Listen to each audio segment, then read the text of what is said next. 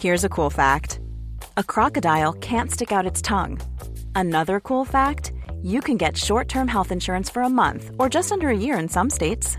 United Healthcare short term insurance plans are designed for people who are between jobs, coming off their parents' plan, or turning a side hustle into a full time gig. Underwritten by Golden Rule Insurance Company, they offer flexible, budget friendly coverage with access to a nationwide network of doctors and hospitals. Get more cool facts about United Healthcare short term plans at uh1.com. Mom deserves the best, and there's no better place to shop for Mother's Day than Whole Foods Market. They're your destination for unbeatable savings, from premium gifts to show-stopping flowers and irresistible desserts. Start by saving 33% with Prime on all body care and candles. Then get a 15-stem bunch of tulips for just $9.99 each with Prime. Round out Mom's menu with festive rosé, irresistible berry chantilly cake, and more special treats. Come celebrate Mother's Day at Whole Foods Market. Hey, I'm Ryan Reynolds. At Mint Mobile, we like to do the opposite of what Big Wireless does. They charge you a lot, we charge you a little. So naturally, when they announced they'd be raising their prices due to inflation, we decided to deflate our prices due to not hating you. That's right. We're cutting the price of Mint Unlimited from $30 a month to just $15 a month. Give it a try at mintmobile.com slash switch. $45 upfront for three months plus taxes and fees. Promo for new customers for limited time. Unlimited more than 40 gigabytes per month. Slows. Full terms at mintmobile.com.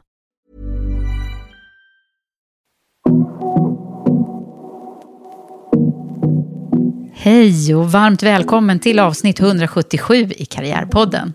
För andra gången i Karriärpoddens historia har jag nu bjudit in en manlig gäst. Det här är ju främst en podd med kvinnliga ledare och förebilder. Men vad är poängen med att diskutera jämställdhet och inkludering om vi faktiskt inte inkluderar? Dagens gäst är Stefan Alariksson, vd för Dell Sverige, som jag träffade för första gången för 15 år sedan när jag rekryterade honom till Sun Microsystems, företaget där han sen landade sin första vd-roll. Stefan började sin karriär inom Försvarsmakten som kapten och officer för att sen gå vidare till it-branschen där han nu har sin tredje vd-roll. I det här avsnittet kommer vi att prata om Stefans syn på jämställdhet och inkludering och hur han på 90-talet blev utbildad i genusfrågor inom försvaret och sedan dess i sina olika positioner aktivt jobbat för att införa ett mångfaldstänk. Och som Stefan själv säger, en grupp med fungerande mångfald presterar bättre än en grupp utan ett mångfaldsperspektiv. Av den enkla anledningen att när vi har olika synsätt, kompetenser och egenskaper så får vi ett mer rikt samarbete. Jag är också glad över att kunna presentera Karriärpodden och Women for Leaders samarbetspartner innan vi startar. Volkswagen Group Sverige.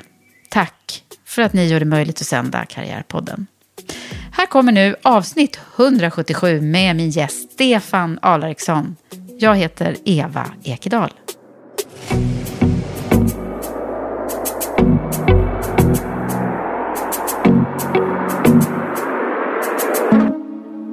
Hej Stefan, välkommen till Karriärpodden. Ja men hej Eva, tack så hemskt mycket. Och tack Det- för att jag fick komma hit till ditt vackra hem.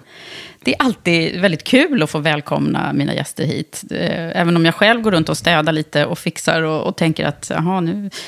Ja, man blir lite pirrig sådär innan, innan det ska, när man inte har setts på det sättet tidigare. För det har ju inte du och jag gjort, även om vi har setts. Mm, ja, det har vi gjort. Men det är ju verkligen som du säger, att komma hem till någon är lite mer personligt. Och det är ju så i de tider där vi är nu, när alla sitter med telemöten, eller många sitter med telemöten om dagarna, att man får se lite mer av varandras hem. Mötena blir lite mer personliga. Men du vinner verkligen första pris i inspirerande kontor med en sån vacker utsikt. Ja, och idag skiner solen och fåglarna kvittrar utanför, så det är väldigt härligt.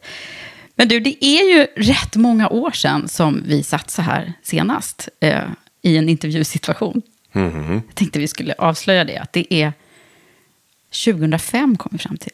Just det, precis. Samma år som min dotter föddes. Då hade jag nämligen den stora glädjen att få rekrytera dig. Ja, det gjorde du med bravur. jag blev jätteinspirerad. Ett samtal som jag kommer ihåg fortfarande.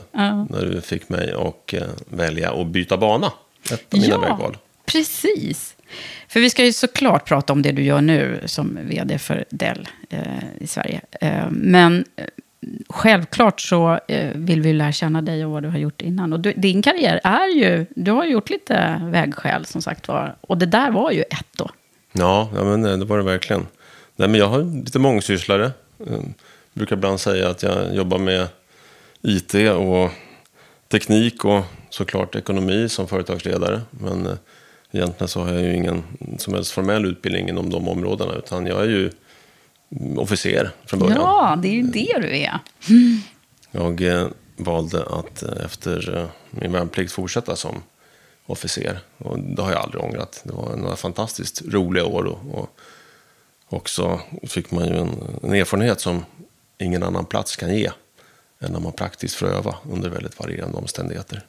Det var en jätterolig start. Kapten, och det var nästan tio år. Alltså. Ja, nästan tio år. Jag eh, var ett år i eh, forna Jugoslavien, i Bosnien, i mitten på 90-talet. Och sen efter det så var jag en sväng i högkvarteret innan jag skulle börja skolan och bli major. Men där fick jag ju chansen att ta hand om ett av Försvarsmaktens IT-projekt. Och det här var ju en tid då bubblan växte för fullt i IT-Sverige. Och eh, att få jobba med alla dessa unga inspirerande konsulter eh, gjorde att jag blev så lockad att ta chansen och göra någonting annat. Och det gjorde jag. Mm. Och då blir man ju genast nyfiken, men det kanske vi kommer komma till. För jag vill ju såklart prata om eh, jämställdhet eftersom du är en, en förebild att prata om det på ett bra sätt tycker jag. Eh, men då undrar man ju lite hur den, Försvarsmakten på den tiden hade väl inte så, så mycket mångfald eh, överhuvudtaget. Va? Ja, det är ju en, en förutfattad mening många har. Att en, en militär, då står man på kaserngården och skriker. Och det är män överallt. Och det finns väl kanske en del sanning i det också, här och där.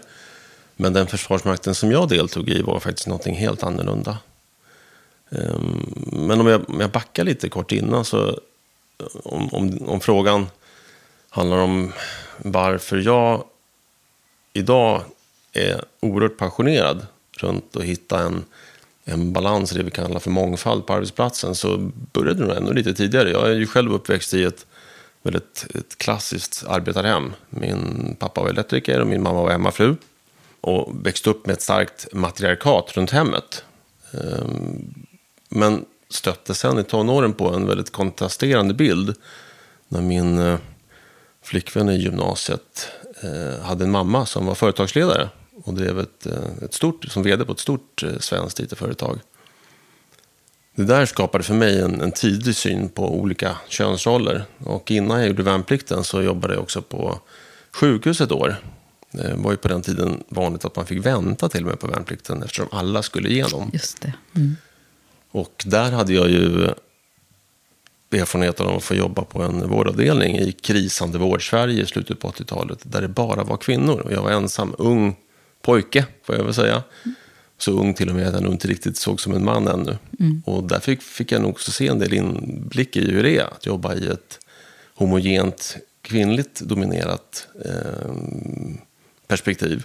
För att sen rycka in i lumpen och vara omgiven av bara män. Ah, gud, vilka kontraster det blev där. Verkligen. Din start. Verkligen. Och det var väl också en, en erfarenhet som gav mig en rätt många olika, hur ska jag uttrycka mig, personligt grundade insikter i begrepp som först senare egentligen kom till klarhet. Men också när jag gick på officershögskolan så var det ju första året som man tillät kvinnliga officerare i stridande förband. Så vi hade ju bland 100 kadetter fyra stycken inkvoterade kvinnor. Vilket ju gav det laddade begreppet kvotering många perspektiv för mig i alla fall, i förstahandsbasis. Ja. Hur var det då? Det var ju fruktansvärt, tycker jag, för de här tjejerna framför allt. De blev ju utsatta för eh, otroligt mycket svåra situationer och fick ju alltid bära ordet kvoterad på något sätt inristat i pannan. Och det var ju inte så många av dem som heller stannade kvar på sikt. Så jag bar ju väl många år med mig eh, perspektivet att kvotering är någonting som faktiskt inte fungerar i praktiken. Men så här i efterhand så kan jag nog konstatera att ibland är det den enda utvägen. Försvarsmakten hade ju bestämt sig för, efter regeringens eh, beslut, att nå målet 10% kvinnor i, i officersyrket. Och börjar man från nästan noll så måste någonting dramatiskt hända. Och även om inte de här tjejerna i sig fick en speciellt behaglig tillvaro så blev de ju ändå förebilder för nästa generation. Och det tror jag är någonting som ibland faktiskt måste till. Att man faktiskt väljer att kvotera in. Eller kanske ta den som inte är bäst meriterad för jobbet. Just för att det handlar om att få in första Spräcka personen, nollan som du brukar prata om. vet Spräcka jag. nollan är ett Ja, och det var precis det som du fick erfara här då faktiskt med eh, egna ögon. Ja, men verkligen. Och det är ett tungt pris man kanske får betala Mm. när man själv är inkvoterad. Men eh, det är verkligen ett, ett nödvändigt pris ibland för att driva den här förändringen. Mm. För det är ju så svårt att just precis spräcka nollorna. Då, Stefan, eh, på den tiden, eh, jag kan tänka mig då att det, att det var situationer när, när, som du beskriver då, att, det var, eh, att de inte hade en sån trevlig tillvaro alla gånger kanske. Eh, Blev utsatta för den berömda machokulturen och så. Jag tycker att eh, Försvarsmakten som helhet gjorde ett fantastiskt jobb på att verkligen främja förändringen. Och för mig personligen så var ju en av konsekvenserna av att jag hade möjlighet under de här åren att gå en massa jättebra utbildningar i vad man kanske idag kallar för genusvetenskap. Där man försökte utbilda det här ganska unga och testosteronstinna kollektivet om andra perspektiv och värderingar. Eh, insikter, för oftast handlar det ju om precis okunskap. Eh, Men det är klart att det i praktiken var en massa tuffa situationer som de fick genomlida. Det kan man nog lugnt konstatera. Ja. Att, att, att känna att man är så annorlunda än resten något område gör ju att man alltid får den här, den här känslan av att nu måste jag vara mycket bättre också. Bara för att behandlas som en jämlike. Och, och det är väl något som vi alla erfar någon gång i livet. Okej, så där var du då i försvaret i många år. Och jag kommer ju ihåg att jag säkert då frågade och bottnade i det här. Men hur kom det sig då att du hamnade i det yrkesvalet? Jag hade ju inte bestämt mig innan, utan jag gjorde ju värnplikten. Jag hade haft tankar på det innan, tyckte att det var lite spännande och intressant. Mycket därför att eh, det här med, med stora organisationer, det fungerar, det får man saker att hända. Och sen gjorde jag ju värnplikten och, och trivdes alltså, jättebra, helt enkelt. Jag hade ju sökt in till universitetet samtidigt, men jag stod där och valde. Ehm, Och så tänkte jag att jag har väl bara en chans att prova att vara officer, så att jag tar den. Och så blev det så. Så att det var ingenting som var förbestämt, utan det var mer att eh, inspirerande människor som jag mötte, inspirerande miljöer där jag var. Och sen så blev det liksom, mm, inte ett bananskal, men som så ofta när man gör vägval i livet, att det kanske inte alltid är, är den här tioårsplanen som förverkligas, utan att det är det man inspireras av där och då. Ofta människor som inspirerar med sitt ledarskap och sitt sätt att vara. Men så för 20 år sedan så blev skiftet då till IT-branschen. Jajamän. Det är 20 år sedan. Det, det Vill jag bara påminna dig. Ja. Nej, men, och sen eh, var, behöver ju inte gå igenom hela ditt CV. Jag jobbar ju som sagt var med det, att eh, inte bli rekryteringskonsult Mm. fullt ut igen här. Men det var ju ändå några år som konsultchef och sen så rekryterade jag dig till, till Sun Microsystems, där du var, först var segmentschef eh, för offentlig sektor, om jag minns rätt. ja, precis. Eh, och en, sen eh, så tänkte jag så här, den där rekryteringen hade jag kunnat ta mer betalt för, för att sen blev du ju vd där. Ja, det, det- var en, en turbulent tid. Eh, som alltid så händer det ju saker och ting. Men eh, jag, jag började som försäljningschef för offentlig sektor. Det var ju faktiskt en, en, eh, ganska tuff start. Jag minns att jag, jag skrev på kontraktet att jag skulle börja på en, en, en fredag. Och sen direkt på måndag när jag öppnade då Computer Sweden som den hette, som var den stora branchtidningen på den tiden. I du igen. pappersformat. Så var det en stor löpsedel om att eh, det nya stadskontorsavtalet som då avgjorde vilka leverantörer som skulle få leverera IT till offentliga Sverige. Då hade Sun Microsystem tappat det här avtalet. Ja, just det. Det var det första som Och det var liksom det första som hände. Då kom jag att jag ringde den dåvarande, han som rekryterade mig. Och frågade, hur gör vi nu då? Ska ni liksom lägga ner? Och då sa han till mig, nej men du vet vad? Jag tror vi behöver dig mer än någonsin. Och sen så började vi därifrån. Det var en jätterolig resa. Ja, ja men verkligen. Och en, en tid när det hände mycket grejer. Är det någon av dina så här, toppar eller dalar som är från den här perioden? Eller? Det är klart att tillfället när jag fick chansen att ta över som vd på SAM var ju en jättestor höjdpunkt för mig. Det var ett eh, jättehäftigt företag med en fantastisk massa innovativa och roliga människor. Och få chansen att, att ta ledarskapet där var ju en, en stor, ett stort erkännande och en jättehöjdpunkt. Men så som så ofta så är det inte alltid de här stora ögonblicken som, som liksom ligger kvar i minnet när man tittar på uh, highlights i karriären, någonting sånt där. Det, jag, jag, jag, kan, jag kan fascineras av när jag tänker tillbaks på ögonblick som verkligen betyder någonting. Att oftast är det inte, som jag sa, när man får, fick hedersjetongen på Karlberg efter officersutbildningen eller, eller den här stora utvärderingen av, av Europachefen som, som ger någon årlig sammanställning. Utan det kan liksom vara en bisats. Mm. En, en människa som man litar på som i, i rätt tillfälle väljer att faktiskt ta några, några sekunder att ge mig en, en feedback som jag tycker är relevant och, och i sammanhanget gör mening. Mm, man behöver på något sätt eh, som ledare också få i sig det där längs vägen. Jag tror att det är ett otroligt um, brett ämne att försöka definiera vad är liksom en bra ledare. Är man född till det eller tränar man det till det? Och, mm. och det är klart att allting är en kombination. Att, att, för mig vara en bra ledare, det kan ju se ut på så otroligt många sätt. Mm. Det finns ingen färdig schablon. Men det finns några saker som är genomgående. Och det ena är att man måste känna en, en trygghet i sig själv. Sen är ju den, den eftersträvansvärda ledarbilden varierar ju så mycket mellan olika kulturer och olika förväntningar, olika sammanhang. Mm. Ja, du har ju testat att vara vd kan man säga, i tre olika bolag. Ja. Är det tredje nu? Just det, precis. Ja. Även om det är it-branschrelaterat, all, alla de tre? Då. Jag var ju var 37 år när jag blev vd på Sun. Mm. Vilket ju var på tok för tidigt. Alltså, känns det så eller? Efterhand. Ja, men för mig personligen har det varit en fantastisk förmån att få öva på att vara vd så många år. Mm. Och, och, från tidig ålder. Men om jag tittar på mig själv så tycker jag nog att det var, det var för tidigt. Mm. Men vad har hänt då med Stefan, eh, vd-Stefan, under de här åren då? Utifrån ett ledarskapsperspektiv. Vad, vad, om du försöker se dig själv i ja. olika skepnader här. Jo, men man kanske kan backa tillbaka ännu mer och liksom fundera på det här med hur utvecklas som människa över tiden och alla de här ögonblicken som definierar. Jag kom ju ut från eh, det militära med förvisso en massa bra utbildning och goda insikter i ledarskapet, men fortfarande ju en stereotyp färgad schablon av, av officeren. Mm. Jag menar, kortklippt, blond, sitter rak i ryggen. Mm.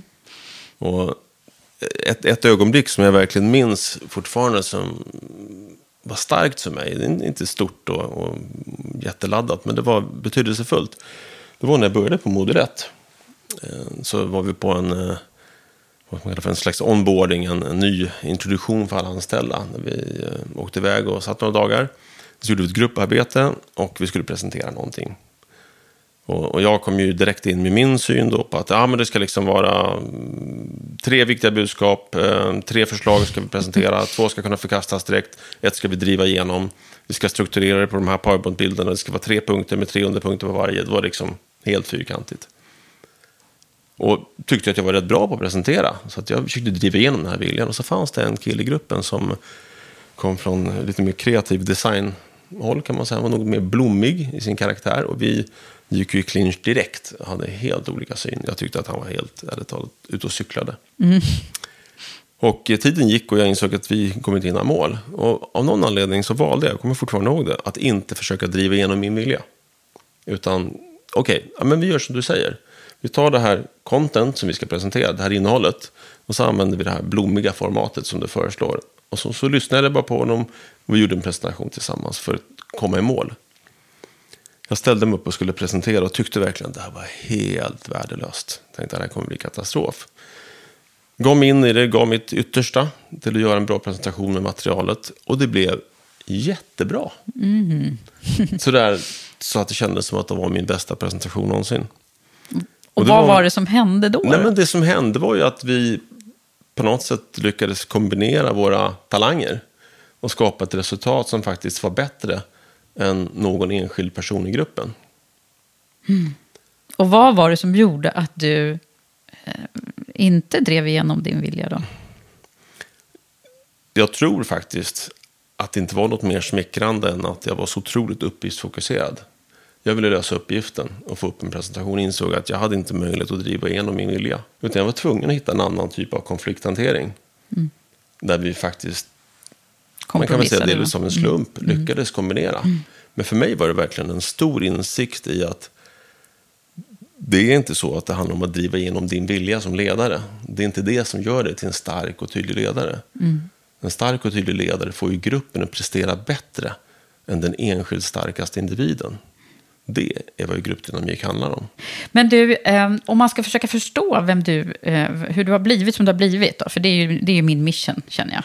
Att försöka förstå varför vi är som vi är och, och eh, var det kommer ifrån. Vad, vad är det som har präglat dig, tror du, mest? Och nu tänker jag att vi backar klockan till eh, din barndom. Ja, men jag tror att, som jag var inne på lite grann förut, jag har väl först i senare år reflekterat mer över det. Men jag är ju, jag är uppväxt i ett, i ett väldigt tryggt hem. En kärnfamilj eh, med mycket kärlek och värme. Eh, inte kanske materiellt eh, superstarkt, men emotionellt tryggt och stabilt. Och sen har jag också växt upp i en, i en tid där jag fick se en del kontraster mot vad jag själv hade hemma. Både i konfliktfyllda eh, situationer i andra familjer men också materiellt välstånd och också akademisk bakgrund. Eh, jag tror att de kontrasterna som jag såg tidigt har nog präglat mig mer än vad jag någonsin trodde när jag var yngre. Och också varit en av mina drivkrafter att på något sätt försöka göra någon skillnad och ta mig, ta mig vidare. Sen har väl det efterhand förbytts i en annan typ av känsla där jag har ju insett med olika händelser tillbaks till privilegier att jag är ju så otroligt mycket mer privilegierad än vad jag kanske har sett mig som under min uppväxt. Jag har ju ofta sett mig själv som en person som kommer från en släkt där man inte har akademisk utbildning. Jag har inte fötts med en silversked i munnen på det sättet utan upplevt att jag har tagit mig vidare i livet med egna händer. Mm. Lite underdog Men- liksom. Samtidigt insett att jag är född som en vit man i ett land där faktiskt villkoren är mycket mer rättvisa än på många andra ställen. Och, och det också aktualiserat av det som händer runt oss med världen idag. Så tror jag att vi alla får oss en tankeställare över att, att privilegier är verkligen ett relativt begrepp beroende på sammanhang.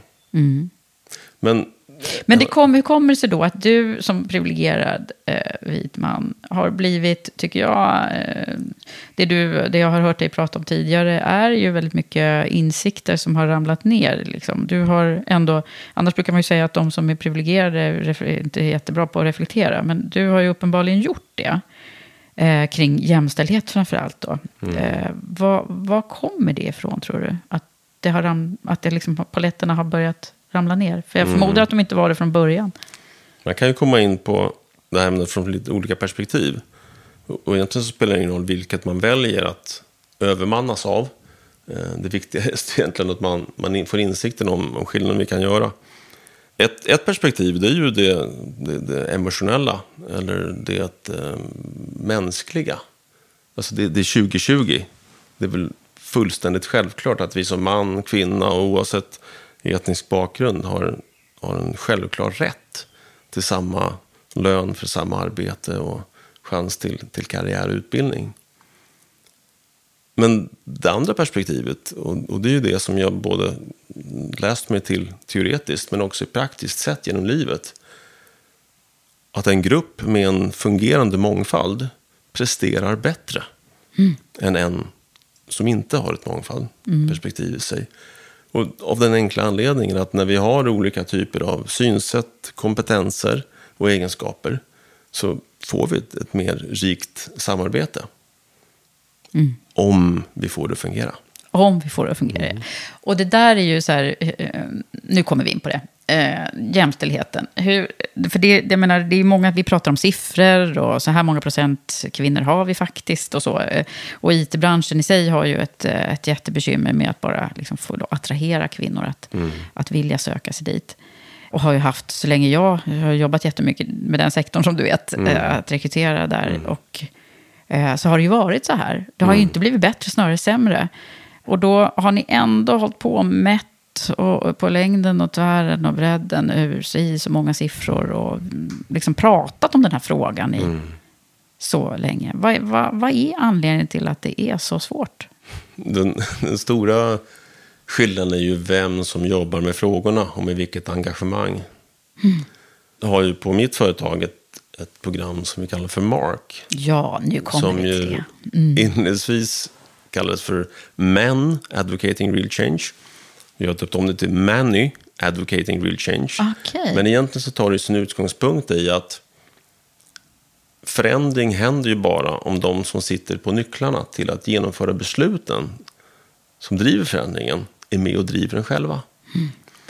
Och jag förbluffas och skräms av hur många det är som jag får kontakt med som beskriver sin bild på sitt företag där man som eh, ung kvinna, oftast ganska nyanställd, får uppgiften att driva förändring av att få fler kvinnor till företaget. Mm. Och på något sätt så handlar det ju om att man måste börja i att fundera på hur, hur ska vi få den här förändringen att hända? Vem, vem är det som kan driva förändringen av, av, av, det som måste ske? För det här är ju inte en policy. Det är inte så att man man ändrar synen på jämlikhet på arbetsplatsen genom att ändra en policy om rekrytering. Eller, det måste man också göra. Men det man framförallt måste driva det är ju kulturen. Mm. Kulturen är allt det som sitter i väggarna, allt det där som alla vet, men ingen riktigt kanske har satt på pränt någon gång. Vad är det vi premierar på vår arbetsplats? Vad är det för slags beteenden vi, vi lyfter fram? Vad är liksom att vara en bra medarbetare hos oss? Vad har man för egenskaper då? Mm. Och det brukar jag ofta prata om hos oss med termer som manslika och kvinnolika beteenden. Mm. Det, är ju, det, det är där lite... är ju roligt. Alltså. Vad, vad, beskriv, varför använder du den vokabulären? Det var tillbaka till militären, faktiskt en mm. utbildning jag gick för många, många år sedan. Mm. Som handlar just om det att det blir ibland lite tok när vi pratar om manligt och kvinnligt. För det är så kopplat till oss som, som män och kvinnor eller individer. Utan ibland är det lättare om man tar alla de personliga egenskaper vi har och sen så sätter vi en etikett på dem som manslika eller kvinnolika schabloner. Och så tar vi istället ett accepterande i det faktum att vi är alla individer som har bestyckats lite olika med de egenskaperna. Och rent statistiskt så har de flesta männen fler manslika egenskaper och de flesta kvinnor har fler kvinnolika egenskaper. Men tar upp en individ så är ju det här alltid en gråskala vad just du har någonstans. Vilka egenskaper har du? Ja. Framförallt handlar det om att, att försöka avdramatisera. Eh, för mig så är egentligen det här med eh, män och kvinnor eller genusperspektivet på arbetskraften, arbetsplatsen, det är ju en delmängd av uppgiften. Det handlar lika mycket om andra perspektiv som gör att vilsa människor av deras kognitiva stil eller etniska ursprung inte heller kan komma till sin rätt.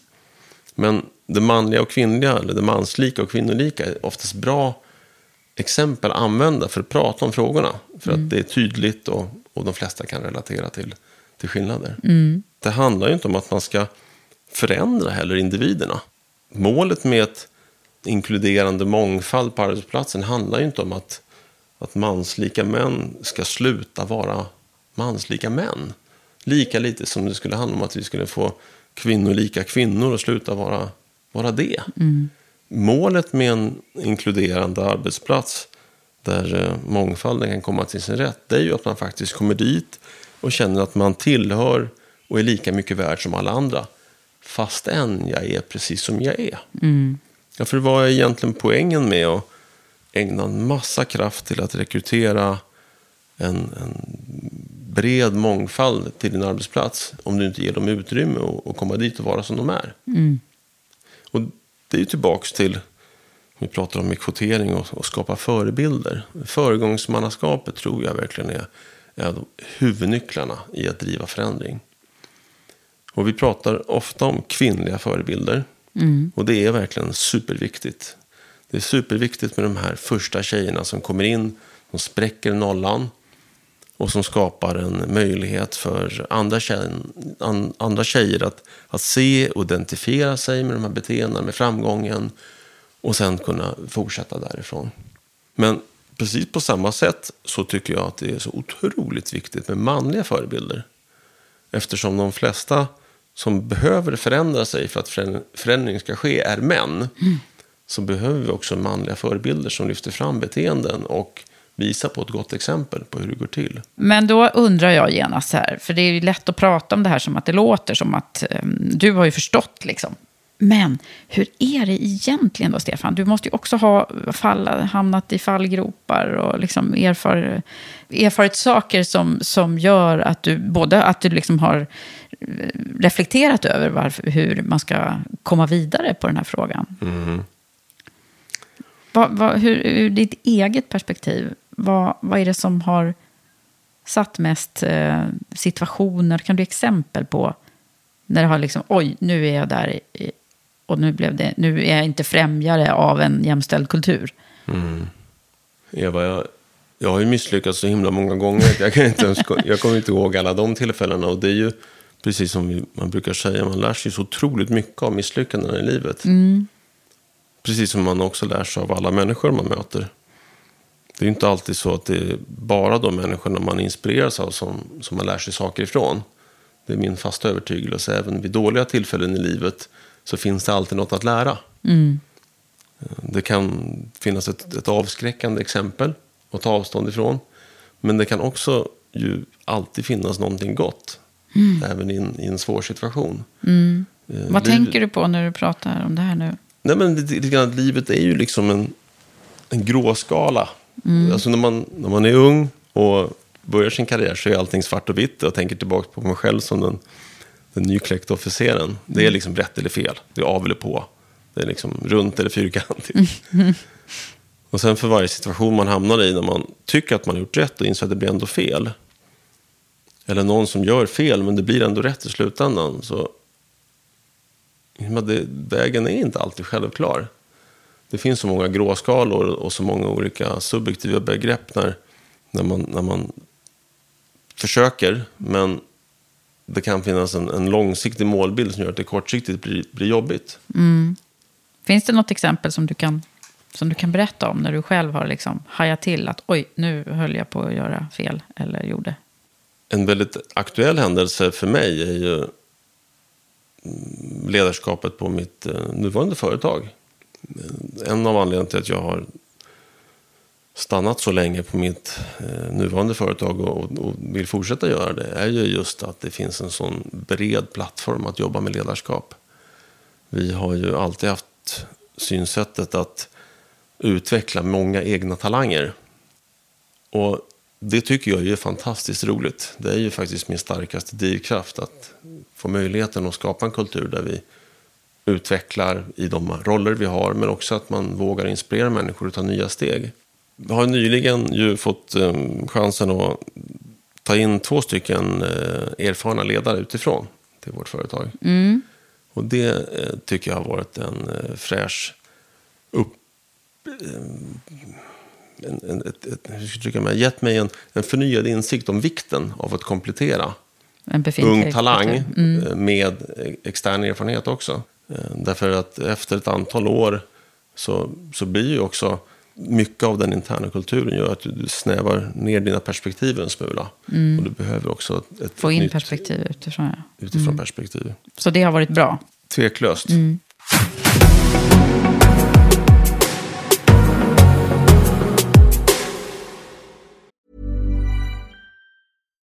If you're looking for plump lips that last, you need to know about juvederm lip fillers. With Juvederm Volbella XC and Juvederm Ultra XC, your lip look, whether it's subtle or bold, can last up to one full year with optimal treatment and no additional maintenance. Find a licensed specialist and see if it's right for you at juvederm.com today. That's J U V E D E R M.com. Add fullness to lips in adults over 21 with Juvederm Volbella XC or Juvederm Ultra XC. Do not use if you have severe allergies or a history of severe allergic reactions, or if you're allergic to lidocaine or the proteins used in Juvederm. Tell your doctor if you have a history of scarring or taking medicines that decrease the body's immune response or that can prolong bleeding. Common side effects include injection site redness, swelling, pain, tenderness, firmness, lumps, bumps, bruising, discoloration, or itching. As with all fillers, there's a rare risk of unintentional injection into a blood vessel, which can cause vision abnormalities, blindness, stroke, temporary scabs, or scarring. For full important safety information, visit juvederm.com.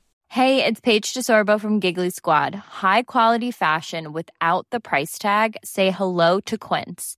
I'm snagging high-end essentials like cozy cashmere sweaters, sleek leather jackets, fine jewelry, and so much more. With Quince being 50 to 80% less than similar brands. And they partner with factories that prioritize safe, ethical, and responsible manufacturing. I love that. Luxury quality within reach. Go to quince.com slash style to get free shipping and 365 day returns on your next order. Quince.com slash style. Wow. Nice. Yeah. What you're hearing are the sounds of people everywhere putting on Bombas socks, underwear, and t-shirts made from absurdly soft materials that feel like plush clouds. Yeah, that plush. And the best part? For every item you purchase, Bombas donates another to someone facing homelessness. Bombas. Big comfort for everyone. Go to bombas.com slash ACAST and use code ACAST for 20% off your first purchase. That's bombas.com slash ACAST. Code ACAST. Hey, it's Ryan Reynolds, and I'm here with Keith, co star of my upcoming film, If, only in theaters, May 17th. Do you want to tell people the big news?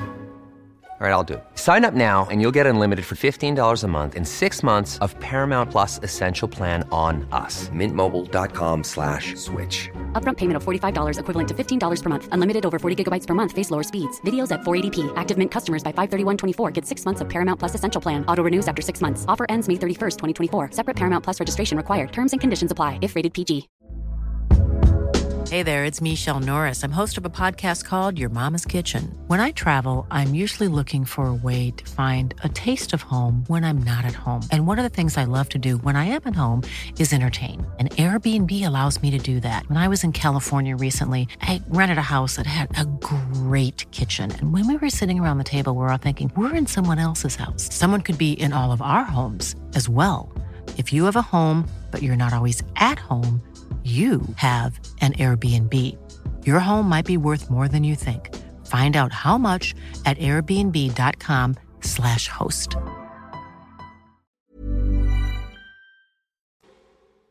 Vi kanske ska gå tillbaka till det här med Mark. Det, det var ju någonting som ni gjorde ganska tidigt på Dell. När började det? Ja, egentligen ända sedan jag började på Dell. Ungefär samtidigt som vi började driva det här globalt. Ja. Ett program som um, egentligen ursprungligen kommer från en, en amerikansk tankesmedja. Där Michael Dell själv är, är med i styrelsen. Och sen så valde han att använda det här som ett verktyg för hur vi driver frågan internt på hela företaget. Och det är lite styrkan i verktyget, att det är samma överallt. Mm. Han började med sin egen ledningsgrupp och sen då Så det är Michael det Dell som på något sätt har bestämt sig för att det här Absolut. är en viktig fråga Absolut. och driver den. Med utgångspunkten just att det är viktigt. Ska vi driva förändringen och en inkluderande kultur så måste vi börja med de som sitter vid, vad ska vi kalla det för, makten. Mm. Och utgångspunkten är verkligen det att det är ett, ett gemensamt program som vi driver över hela världen och, och skapa en gemensam värdebas runt det. Och jag kommer ihåg första gången jag gick det här själv så var jag lite småskeptisk. Man tänker ju att ja, men, i Sverige har vi väl ändå kommit ganska långt när det gäller jämställdhet. Eh, och jag var på en, en, eh, en utbildning där vi hade många internationella landschefer med och en kille som kom från ett land i en annan del av världen. Där eh, jag minns att han tittade mig i ögonen och så sa han så här, ja, men, jag tycker nog också att det är viktigt att vi måste lyssna på kvinnorna. De har också någonting att säga. Och då tänkte jag, visst, vad, vad ska det här ge mig? Det var ju en röst från 1900-talets eh, mitt någonstans. Mm. För att snabbspola den självreflektionen så kan vi konstatera att även om vi kan tycka att vi har kommit så himla långt i Sverige så har vi så otroligt mycket kvar att göra. Går du ut på vilken arbetsplats som helst så pågår det ju fortfarande hela tiden varje dag diskriminering. Jag har på mitt företag fortfarande varje år ett flertal incidenter där duktiga tjejer utsatts för situationer när de interagerar med omvärlden. Ibland internt på företaget, ibland i kontakt med partner och kunders situationer där de utsätts för en, en ojämlikhet, kränkning. Vad gör du då? Jag tror att det enda vi kan göra är ju att överreagera. För vi har haft så många år och decennier av låt gå-mentalitet. Att det viktigaste vi kan göra nu det är att verkligen agera så kraftfullt vi bara kan. Vid varje minsta antydan till ojämlikhet. Oavsett vad, vad bakgrunden är. Och se till att vi visar och markerar med hela vår kropp, hela vår, vårt ställningstagande att det här är inte rätt. Och att vi, vi lyfter fram de, de goda exempel som finns. Jag vet ju att ni också har gjort en, ett jättebra initiativ som jag faktiskt är lite rådgivare till. Jag vet inte om du vet ens en gång att jag är. Kommer jag på. Eh, men eh, det är ju eh, det här programmet som ni gör för unga kvinnor som har kommit in och som, som ni vill öppna upp ögonen. De kanske jobbar som innesäljare och annan administrativ personal, men som ni vill öppna upp för att de ska ta också steget till att, att vilja bli säljare och att jobba med mm, affärsdelen mer aktivt. Och sen gör ett program för de unga kvinnorna internt. Jag är lite rådgivare nämligen där. Och det är ju superbra, för det är ju också en av anledningarna till att det ser ut som det gör. Eh, Att, att vi får många kvinnor som går till specialistroller men snar, och kanske inte hamnar i affärsledet. Det där är verkligen en nyckelfråga för oss. Det är, det är så viktigt, och tillbaka till det vi pratade om förut, att spräcka nollorna. Om man tittar man på jämställdhetsmålen som vi har. Vi, vi har ju ett mål på vårt företag att vi ska vara hälften tjejer, hälften killar. Absolut, det är målet. Men frågan är hur man kommer dit. Vi är ju ett extremt tekniskt företag. Vi livnär oss ju på att hjälpa våra kunder att transformera sina verksamheter med hjälp av IT.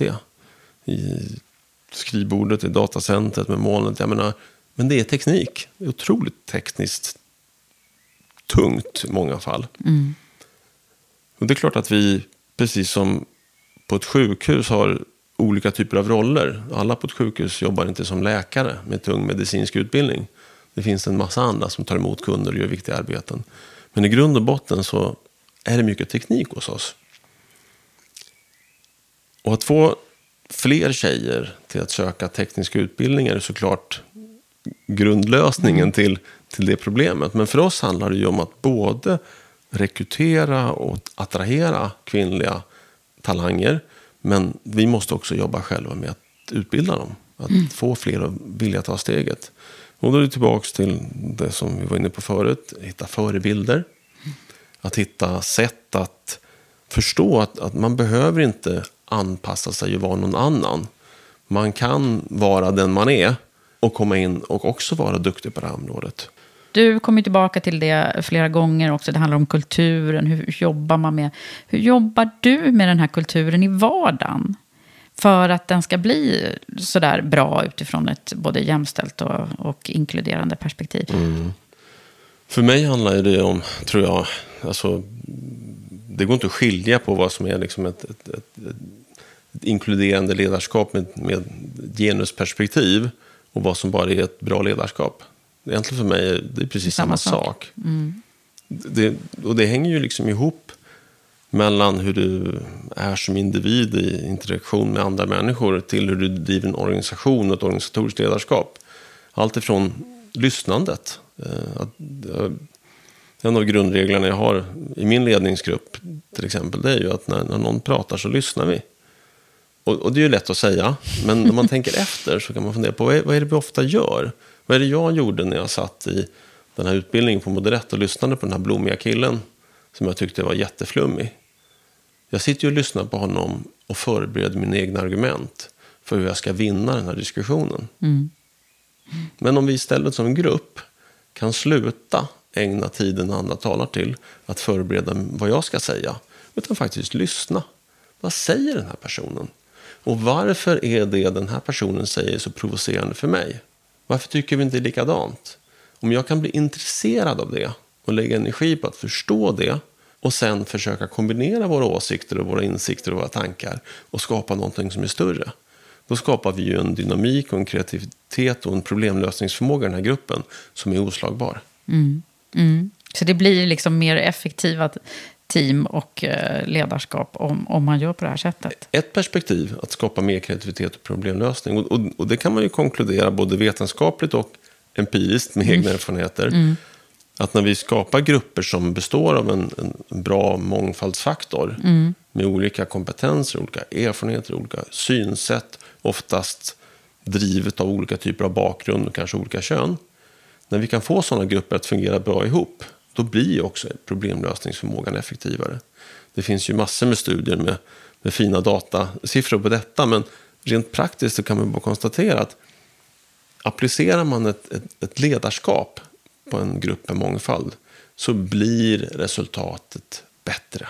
Mm. Däremot är det inte så att medlemmarna i en sån här grupp alltid tycker att det var en behagligare resa. Nej, just det. För då, och, och det här är ju ett ganska känsligt ja. ämne. För mm. att ibland så tenderar vi ju att bara vill säga, nej men mångfald är bra, punkt. Och så går vi liksom inte in på riktigt, men vad händer sen då? Mm. För faktum är att människor av sin natur, utan yttre stimulans, oftast söker till sådana som tänker likadant. Mm, verkligen. Om du intervjuar en grupp så kan du få kommentarer som ah, men det känns jättebra i vår grupp, vi har inga konflikter, vi tycker likadant och så här trycker vi om att vara ihop. Men är det effektivt? Mm. Och, det, och det är det här som är det intressanta ur ett företagsperspektiv. För att mitt mål med mitt företag det är ju inte att vi bara ska ha det bra och mysigt tillsammans. Vi ska ju vara duktiga, vi ska vara bäst. Vi ska inte bara vara lite bättre än andra, vi ska vara mycket bättre. Och ska vi driva den typen av målsättning, då måste vi också rekrytera och skapa grupper som innehåller en massa olikheter. Och så måste vi applicera en, en inkluderande kultur som gör att de här människorna känner sig accepterade mm. som de de är. Så att de till bordet tar sin olikhet och vågar stå för den. Mm. Och att vi sen kan plocka ut essensen av det här och kombinera ett resultat som är mycket större, mycket starkare än den enskilt bästa individen. Nu känner jag att du har faktiskt svarat på den frågan som jag brukar, som jag brukar eh, ställa som kommer ifrån min samarbetspartner, nämligen Volkswagen Group Sverige. Som okay. varje, varje avsnitt så skickar de med en fråga som just handlar om eh, jämställdhet och ett inkluderande ledarskap, för de vill mm. gärna driva den här frågan. Och eh, vill att du ska, så att säga, vad är ett inkluderande ledarskap för dig? Och ge exempel på en situation. Och jag känner att du har ju varit inne på det här nu. Mm. Men är det någonting du vill tillägga kring det? Hur gör du för att vara en inkluderande ledare på ett möte till exempel? Att ni lyssnar var en sak. Ja, nej men det, det är ju många saker man får utveckla i sitt liv mm. för att bli en bra ledare, tycker jag. Och de sakerna är väldigt olika beroende på vem du är själv från början. En av de saker som jag tycker är svårast, det är ju faktiskt att vara tyst. Såklart beroende på vad du ska åstadkomma. Ska du med din skyttepluton storma en kulle, mm. så kräver det en typ av väldigt direkt ledarskap. Ska du ha en kreativ problemlösningsprocess när du ska ta dig an en ny marknad och komma på en ny strategi, då behöver du en väldigt annan typ av situation. Men att som ledare inte för tidigt i en diskussionsfas ange vad tycker du är bra det tycker jag alltid har varit en stor utmaning, någonting man måste fundera på. Mm. Därför att det är oftast så att så snart ledaren har angivit, ja men det där var ju bra. Mm. Och den angivelsen kan ju komma med att du nickar lite när någon säger någonting som du tycker låter bra. Eller att du faktiskt kanske lite väl tidigt i diskussionen anger det här är nog inriktning vi ska gå. Så sänker du så att säga den kreativa takhöjden en smula. Mm. Så att vara inkluderande är att vänta med det då? Det kan vara ett praktiskt sett. Ett annat är ju också att också aktivt fundera över de människor du har i din grupp. Hur gör du för att de ska komma till tals?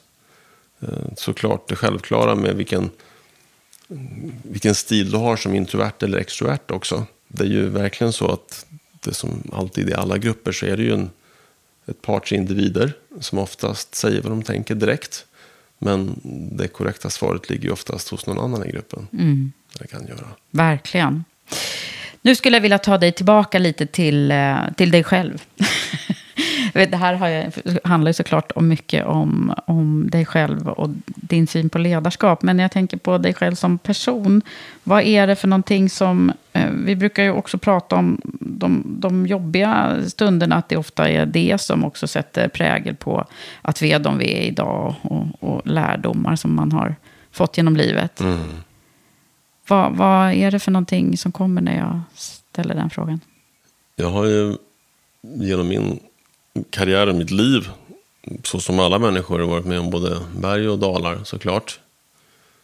Tunga ögonblick, fantastiska ögonblick. Mm. Får höra några av dem.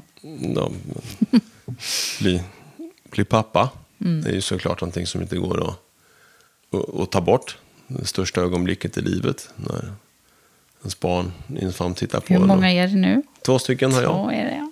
Mm. Men det är väl också mitt svåraste ögonblick. Jag har skilt mig sedan nu ganska många år tillbaka. Mm. Och okämförbart är väl mitt livs svåraste ögonblick. Det var ju att, att, att sitta ner med, tillsammans med deras mamma och, och tala om för våra då ganska unga barn att, att vi hade bestämt oss för att skiljas åt. Mm. Det ögonblicket är, är tveklöst det som tyngst finns kvar. Även om jag både då och nu är övertygad om att det var ett beslut som var, var rätt att ta för allas goda på lång sikt. Mm. Men kortsiktigt så handlar det ju om att, att man åstadkommer en så stor smärta hos dem man älskar mest. Även om man är övertygad om att det är rätt sak att göra. Otroligt ont. Men tillbaka till som vi pratade om förut. Att det, är, det är ju ofta så, eller ofta så i livet att man ibland kommer till en insikt om vad man behöver göra för skillnad. Och sen ta sig modet och handlingskraften att åstadkomma den förändringen. Och att inte låta sig avvikas för att något är jobbigt på vägen. Utan att jag, jag behöver göra de här sakerna för att det som jag tror, eller det som vi har kommit fram till är rätt, ska ske. Var det en, en lång beslutsvånda innan? Eller hur, hur såg din beslutsprocess ut? Om du tänker på just det Att exemplet så Mm. var det väl en, en, en diskussion som pågick en, en längre stund Mm. mellan oss innan vi till slut kom till den punkten. Mm. Men det var ju, som det ofta är, eh, den här tröskeln som ligger framför en, svårigheten. Och, och för oss båda var det ju absolut samtalet med barnet som Mm. det, det svarta, det, det ohanterliga Mm. att konfrontera.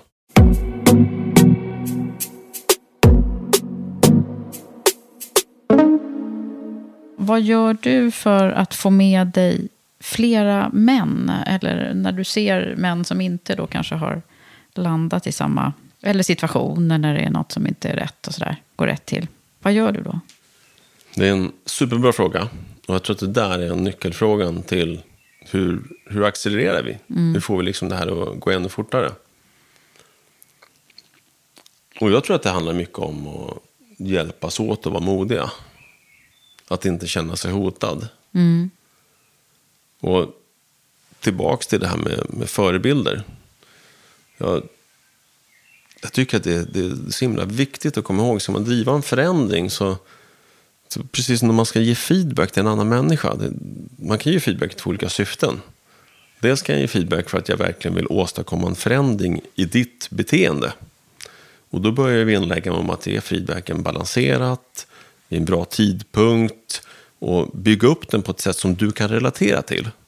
Så att du liksom är själsligt och mentalt i en plats och position där du inte känner dig hotad av mig, utan du faktiskt tryggt kan förstå vad är det jag säger, vad, vad Stefan upplevt och, och hur kan jag, Eva, ändra mitt beteende så att det här blir bättre. Och få en sån kvalitativ diskussion. Och det kanske vi normalt förknippar med feedback. Men feedback kan man ju också lämna för att man är bara så förbålt frustrerad. Att man måste få någonting ur sig. Så att du skriker bara till den andra personen det du tänker och tycker. Och För att du måste få ur det här. Du måste få tala om för den andra människan att du håller inte med, du känner dig kränkt och så vidare. Och jag tror att om man tittar på hur den här frågan drivs i vårt samhälle, både i form av offentlig debatt men också på många företag, så är det mycket frustration. Men jag tror inte att den driver frågan konkret framåt. Den, den drar medvetenhet och det är viktiga budskap och det är fullt förståeligt fram, framför allt att människor är frustrerade. Både om jämställdhetsdebatten i Sverige, om man tittar på det som händer i, i USA och världen just nu, Mm. runt etnisk diskriminering och övervåld. Det är förståeligt att det händer. Men nyckeln är att sen konkret och metodiskt och systematiskt driva förändring. Så tror jag inte att man gör den med, med stark frustration och, och framförallt inte våld såklart. Utan det är ju samtal. Att skapa en ömsesidig vilja och trygghet i att förändra. Och för att komma tillbaka till din fråga om männen, hur får vi med oss dem då? Jo, men att hitta manliga män som är förebilder och vill driva förändringen. Att hitta och bygga nätverk av sådana. Vi, vi säger ju ibland att det lyfts fram i debatten modiga individer som har bestämt sig att göra skillnad. Men ibland så är det kanske inte så att alla känner igen sig i det. Utan de vi ska flytta nu, nålen hos, det är ju den typiska manliga chefen. Som dricker öl och gillar fotboll och står vid grillen. Och, och det är inte meningen att den personen ska förändra sig i, i vad den personen är. Utan det handlar ju om att öka viljan att lyssna på andra. I Precis, för syfte att, att de, skapa resultat och förbättring. för att de ska förstå att de får en bättre tillvaro, bättre lönsamhet, bättre Du kan välja vilka perspektiv du vill. För Ja. mig Mm. så drivs jag ju jättemycket av det faktum att jag är övertygad om, jag vet att mitt företag kommer hitta fler duktiga talanger om vi kan rekrytera från hela kompetenspoolen. Och inte bara sådana som ser ut och låter som de vi har inne. Jag vet att mitt företag blir mer konkurrenskraftigt. Vi möter våra kunder på ett bättre sätt när vi kan se ut som de gör. Och vi blir mycket mer mogna och effektiva på sätt att vara. När vi har en mångfald och vi också fortsätter att föda och driva en kultur som inkluderar och får de människor att tillhörighet. Så, så det, är- det är ett sätt. Men det andra, det är ju också jag är en pappa. Jag har en, en, en dotter hemma som när jag gick markutbildningen första gången var tio år gammal. Och i den utbildningen så ingår ett antal olika små filmsnuttar vi tittar på. Och en av dem är en, en reklamfilm för ett amerikanskt bolag. Men det spelar ingen roll. För budskapet i den här filmen som heter Run Like a Girl är så himla starkt. Det handlar om att man intervjuar ett, ett antal eh, unga människor. Här Och sen så det ja. vid ett tillfälle så ber man dem att springa som en tjej. Och eh, män som kvinnor börjar genast liksom springa så lite larvigt och fjanta sig.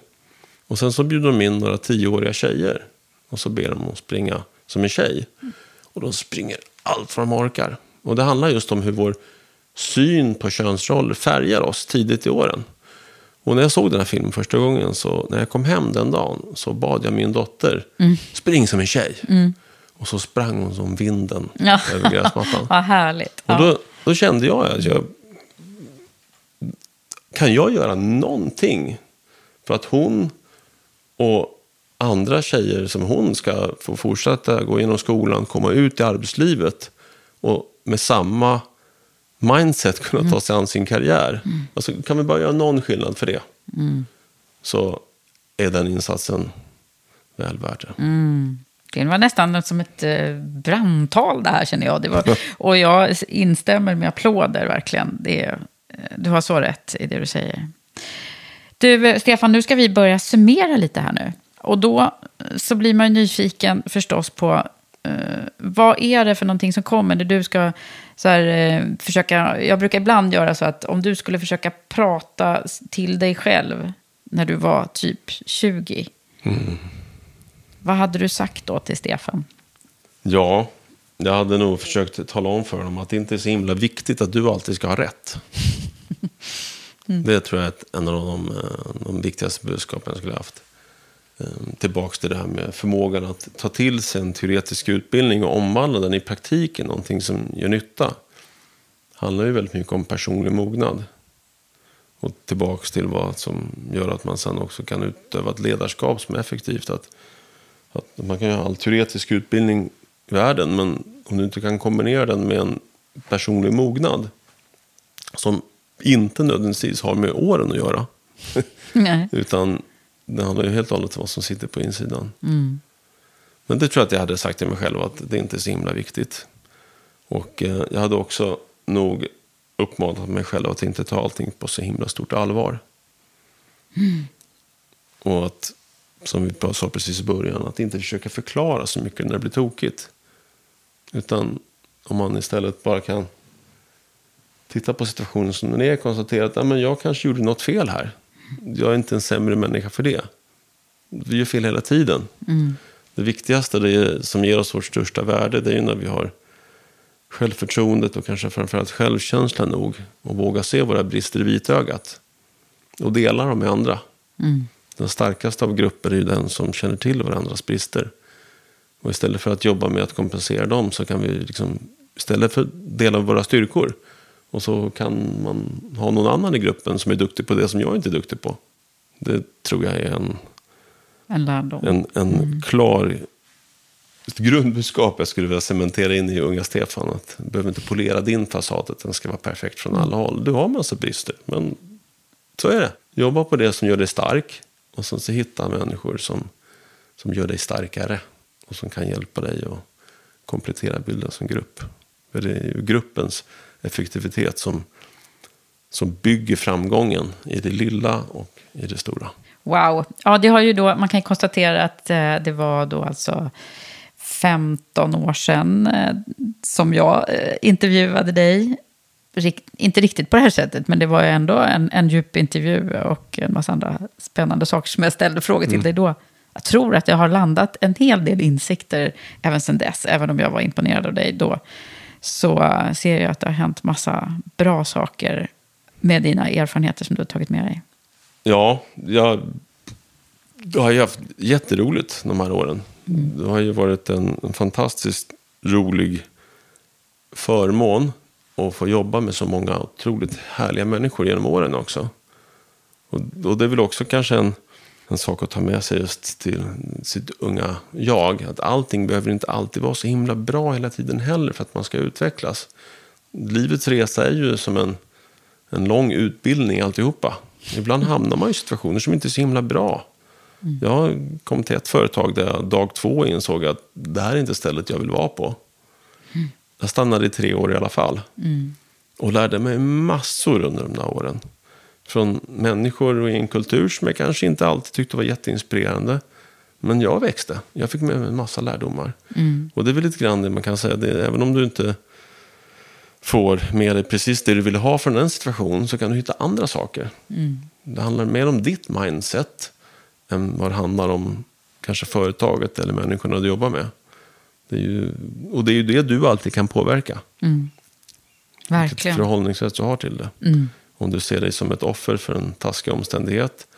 Eller om du ser det på, som en möjlighet. Hur, gör jag någonting av det här? Vad kan jag plocka med mig? Så, vad blir den sista slutordet från Stefan Alriksson i Karriärpodden? Ja, men jag kan nog inte låta bli att inte eh, egentligen gå tillbaka till det du frågar mig. Vad, vad gör vi nu då för skillnad? Var och en.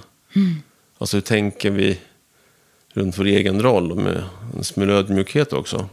Men att, vad, vad gör man för skillnad? Vad är, vad är största impacten vi gör? Jag tror att det måste var och en verkligen bestämma sig för. Ska jag få en förändring att hända så måste jag ge mig in i. Jag kan inte, jag kan inte som företagsledare eller chef på ett företag delegera frågan om vår inkluderande kultur till någon annan. Det är du som är kulturen. Kulturen på ditt företag blir ju den du är. Och du måste ge dig in i det här. Du, du måste engagera dig och också förstå vad du kräver av andra.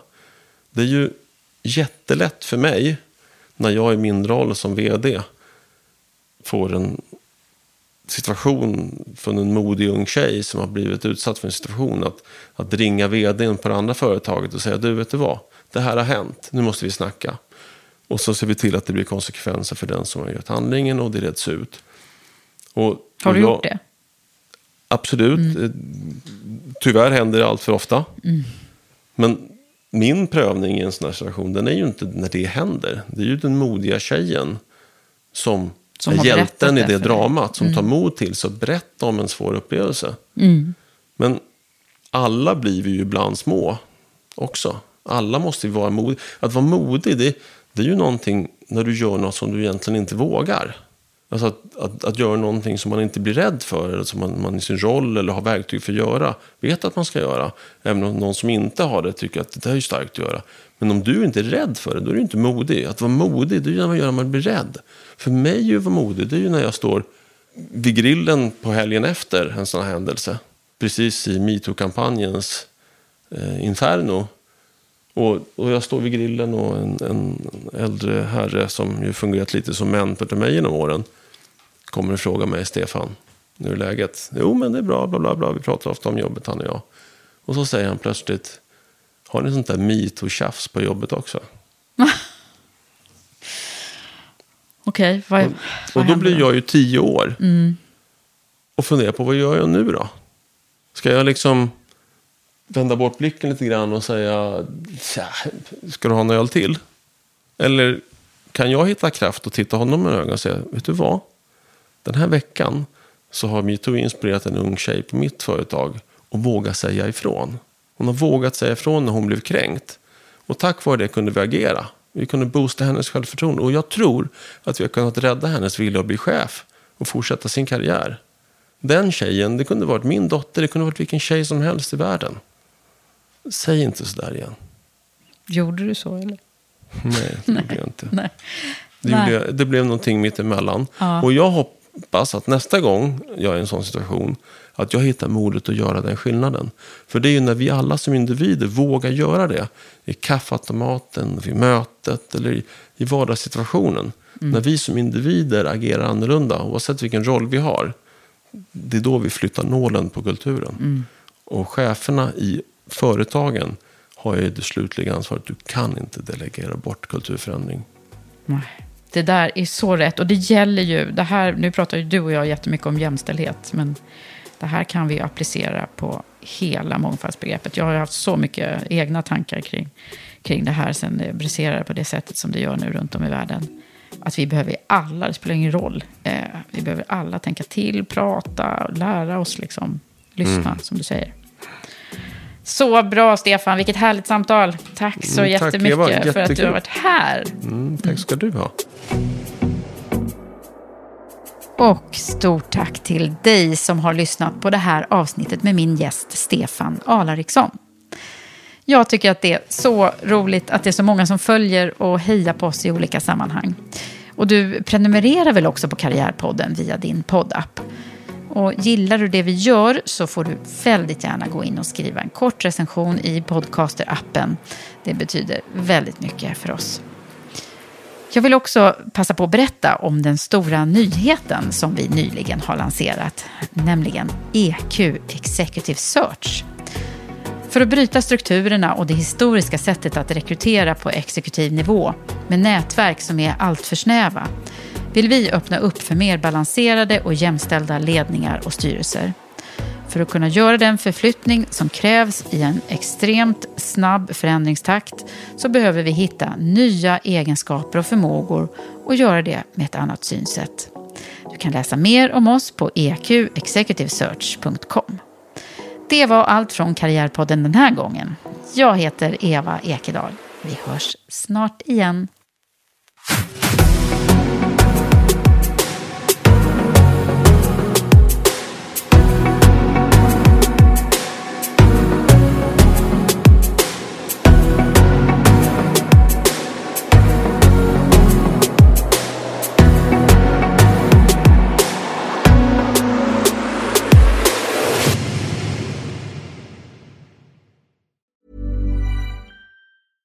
Mom deserves the best, and there's no better place to shop for Mother's Day than Whole Foods Market. They're your destination for unbeatable savings, from premium gifts to show-stopping flowers and irresistible desserts. Start by saving 33% with Prime on all body care and candles. Then get a 15-stem bunch of tulips for just $9.99 each with Prime. Round out Mom's menu with festive rosé, irresistible berry chantilly cake, and more special treats. Come celebrate Mother's Day at Whole Foods Market.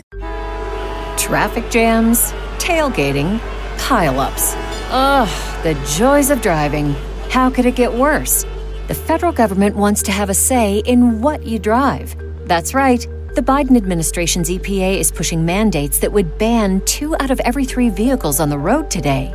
Don't let Washington become your backseat driver. Protect the freedom of driving your way. Visit EnergyCitizens.org. Paid for by the American Petroleum Institute.